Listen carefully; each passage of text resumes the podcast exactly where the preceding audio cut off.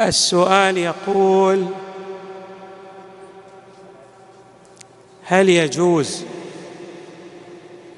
للمكلف الذي كان يرجع إلى السيد الخوئي يرحمه الله أن يرجع إلى السيد السستاني مطلقا يعني يعدل بتقليده من تقليد السيد الخوئي يرحمه الله؟ إلى تقليد السيد السستاني يحفظه الله. أعتقد أنني أجبت على هذا السؤال بشيء من الإجمال. قبل عدة من السنوات. ولكنني سأضيف ايضاحا. أي كانت الإجابة فيها شيء من الإجمال. هذه إجابة فيها شيء من الإيضاح والبيان.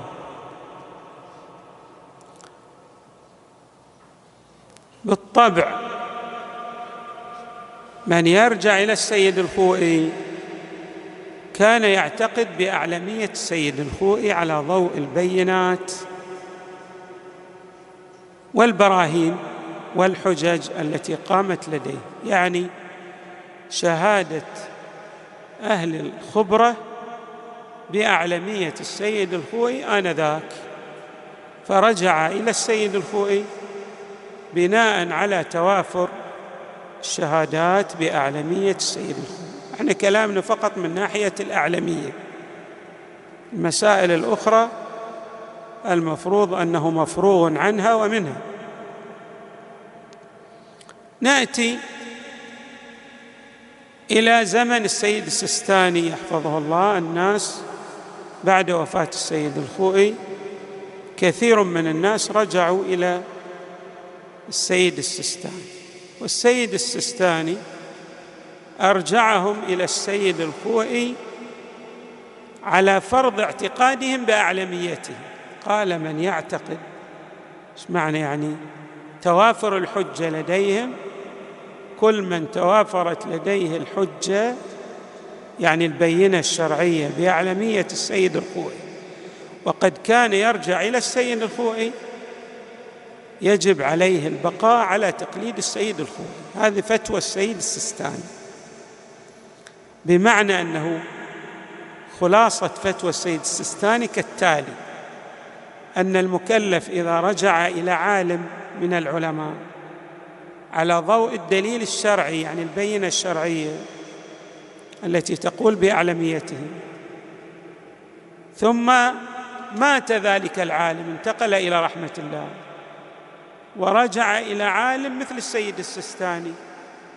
يرى أن فتاوى ذلك العالم لا زالت باقية على على الحجية بالاستصحاب بمعنى أنه فقط يرجع في جواز التقليد إلى العالم الحي. الآن المكلف رجع إلى السيد السستاني. السيد السستاني هذا فتوى. من عمل أو من التزم بتقليد السيد الخوئي يرحمه الله وجب عليه البقاء على تقليده. هذه فتوى السيد السستاني. نأتي إلى زماننا الآن. مر وقت طويل بعد وفاة السيد الخوئي.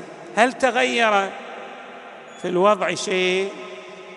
يعني هل أتت بينات جديدة تقول بأعلمية السيد السستاني إذا جاءت البينات وقالت بأعلمية السيد السستاني أيضا يجب على المكلف العدول من تقليد السيد الخوئي إلى تقليد السيد السستاني لأن المسألة كما قلنا تعود إلى قضية الاعلميه إحنا كلامنا فقط في نقطة الاعلميه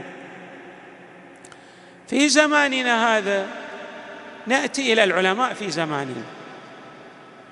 قلنا بعد وفاة السيد الخوئي العلماء كانوا عندهم شهره كبيرة وهناك جهابذة من العلماء يقولون بأعلمية سيد الخوئي يرحمه طيب في زماننا هذا ماذا يقول العلماء؟ نفس الكلام. قبل أن نقول يقول العلماء نفس الكلام لابد أن نميز أن العلماء عندما نقول المكلف يجب أن يرجع إلى العالم المجتهد على ضوء رأي أهل الخبرة. إيش معنى أهل الخبرة؟ أهل الخبرة يعني مثل ما نعبر خريتي الصناعة. يعني الناس أهل الخبرة ناس أهل الصنعه المتمرسون في قضايا الاستنباط. نأتي إلى زماننا هذا. شوف لا زال الوضع على حاله. العلماء في زماننا هذا على ثلاث طبقات. الطبقة الأولى الطبقه الثانية الطبقه الثالثة. هذا التقسيم من عنده لما نأتي إلى الطبقة الأولى هذه الطبقة الأولى هي في الحقيقة يعني في رتبة السيد السيستاني أو مقاربة للسيد السيستاني في الرتبة العلمية. يعني من زملاء السيد السيستاني هؤلاء الذين في رتبة السيد السيستاني لا زالوا يشهدون بأعلمية السيد سأذكر بعضا من هؤلاء. منهم مثلا الشيخ الوحيد يحفظه الله. لا زال يقول بأعلمية السيد منهم الشيخ الفياض يحفظه الله. لا زال يرى أعلمية السيد منهم السيد صادق الروحاني. لا زال يقول بأعلمية السيد وكثير. ممن هم في هذه الطبقة. بل أن بعض هؤلاء يرى أن السيد الخوئي يعني لا يضاهيه أحد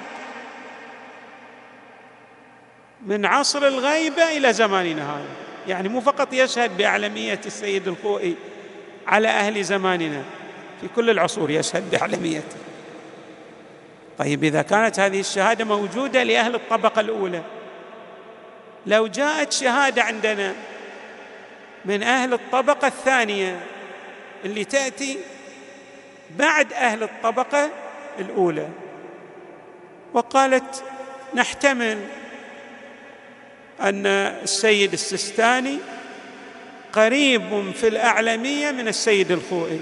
نحتمل أن السيد السستاني يعني وصل إلى مرتبة. هل هذا الاحتمال يسوغ للمكلف الرجوع إلى السيد السستاني كلا. لأن هذا الاحتمال يبقي المكلف في منطقة الشك. يعني يقول المكلف لا زلت أشك أشك.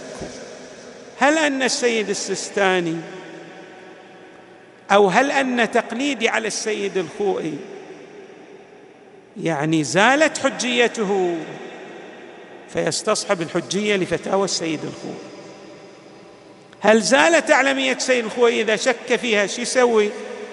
استصحب. هذه المطالب التي درسناها في الحوزات العلمية. عندما تشك في تكليف وأنت على يقين سابق به تستصحب ذلك التكليف. الآن المكلف لو شهد عالم من أهل الطبقة الثانية في موجود بعض العلماء يشهد من أهل الطبقة الثانية بأعلى يعني بأن السيد السستاني إما مساوي أو قد يكون أعلم لكن لا قيمة لشهادته بأزاء شهادة أهل الطبقة الأولى. يكون ننتبه. أهل الطبقة الأولى لا زالوا يرون أعلمية السيد الخوئي يرحمه الله. فبالتالي شهادة أهل الطبقة الثانية تصير شنو؟ ساقطة عن الحجية ما لها ما لها اعتبار كنا ننتبه. فضلا عن أن يأتي شخص من أهل الطبقة الثالثة اللي مو بعد أهل الطبقة الثانية. أهل طبقة أقل. ويشهد باعلميه سيستاني أو يعني إجزاء التقليد بشكل مطلق لمن يرجع إلى السيد الخوي يجوز له أن يرجع بشكل مطلق إلى السيد يصير شهادته ما لا قيمة. تسقط عن الاعتبار. نكون ننتبه هذه من الناحية الشرعية. إحنا الآن نطرح المسألة من ناحية علمية بحتة. بغض النظر عن أن هذا الشخص مثلا لو شاهد شخص مثلا لو كان شخص يحب شيخ حسين العايش. أنا أنا أتكلم عن نفسي. وأنا قلت الآن في هالزمان ارجعوا إلى السيد السيستاني والناس تحبني. هل يجوز لهم أن يأخذوا برأيي؟ أنا أسألكم. لا ما يجوز لأن المسألة ما ترجع إلى العواطف الحب ترجع إلى الموازين والمعايير الشرعية. الموازين والمعايير الشرعية كما ذكرت أهل الطبقة الأولى في زماننا هذا. اللي هم أتراب للسيد السستاني يحفظه الله. لا زالوا يقولون بأعلمية السيد الخوئي إلى يوم الناس هذا. فبالتالي لا يجوز الرجوع إلى السيد السستاني يحفظه الله لمن كان يرجع إلى السيد الخوئي يجب عليه البقاء على تقليد السيد الخوئي واضح المسألة؟ وصلى الله وسلم وزاد وبارك على سيدنا ونبينا محمد وآله أجمعين الطيبين الطاهرين. بجاوب على الأسئلة بس يعني إيه، تفضل السؤال الأول. ها؟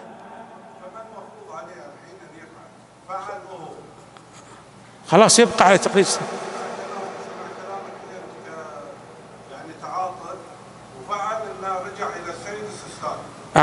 لا يرجع.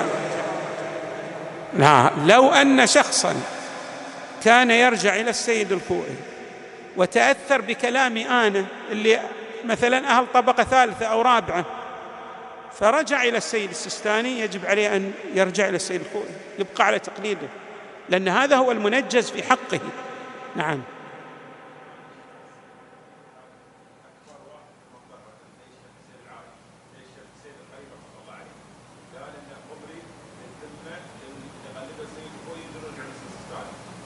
ذاك الوقت جعل السيد السيستاني مثلا زي الشيخ علي زاد الدنيا رحمة الله عليه قال الشيخ حسين الخليفي يقول مبري للثلث نفس الكلام نفس الكلام.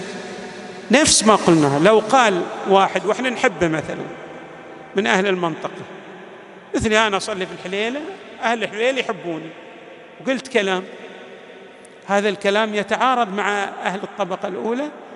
بالتالي لا يؤخذ بكلامي وإنما يؤخذ بكلام أهل الطبقة الأولى. ويجب على المكلف أن يرجع إلى من؟ إلى السيد الخوئي. والحمد لله رب العالمين.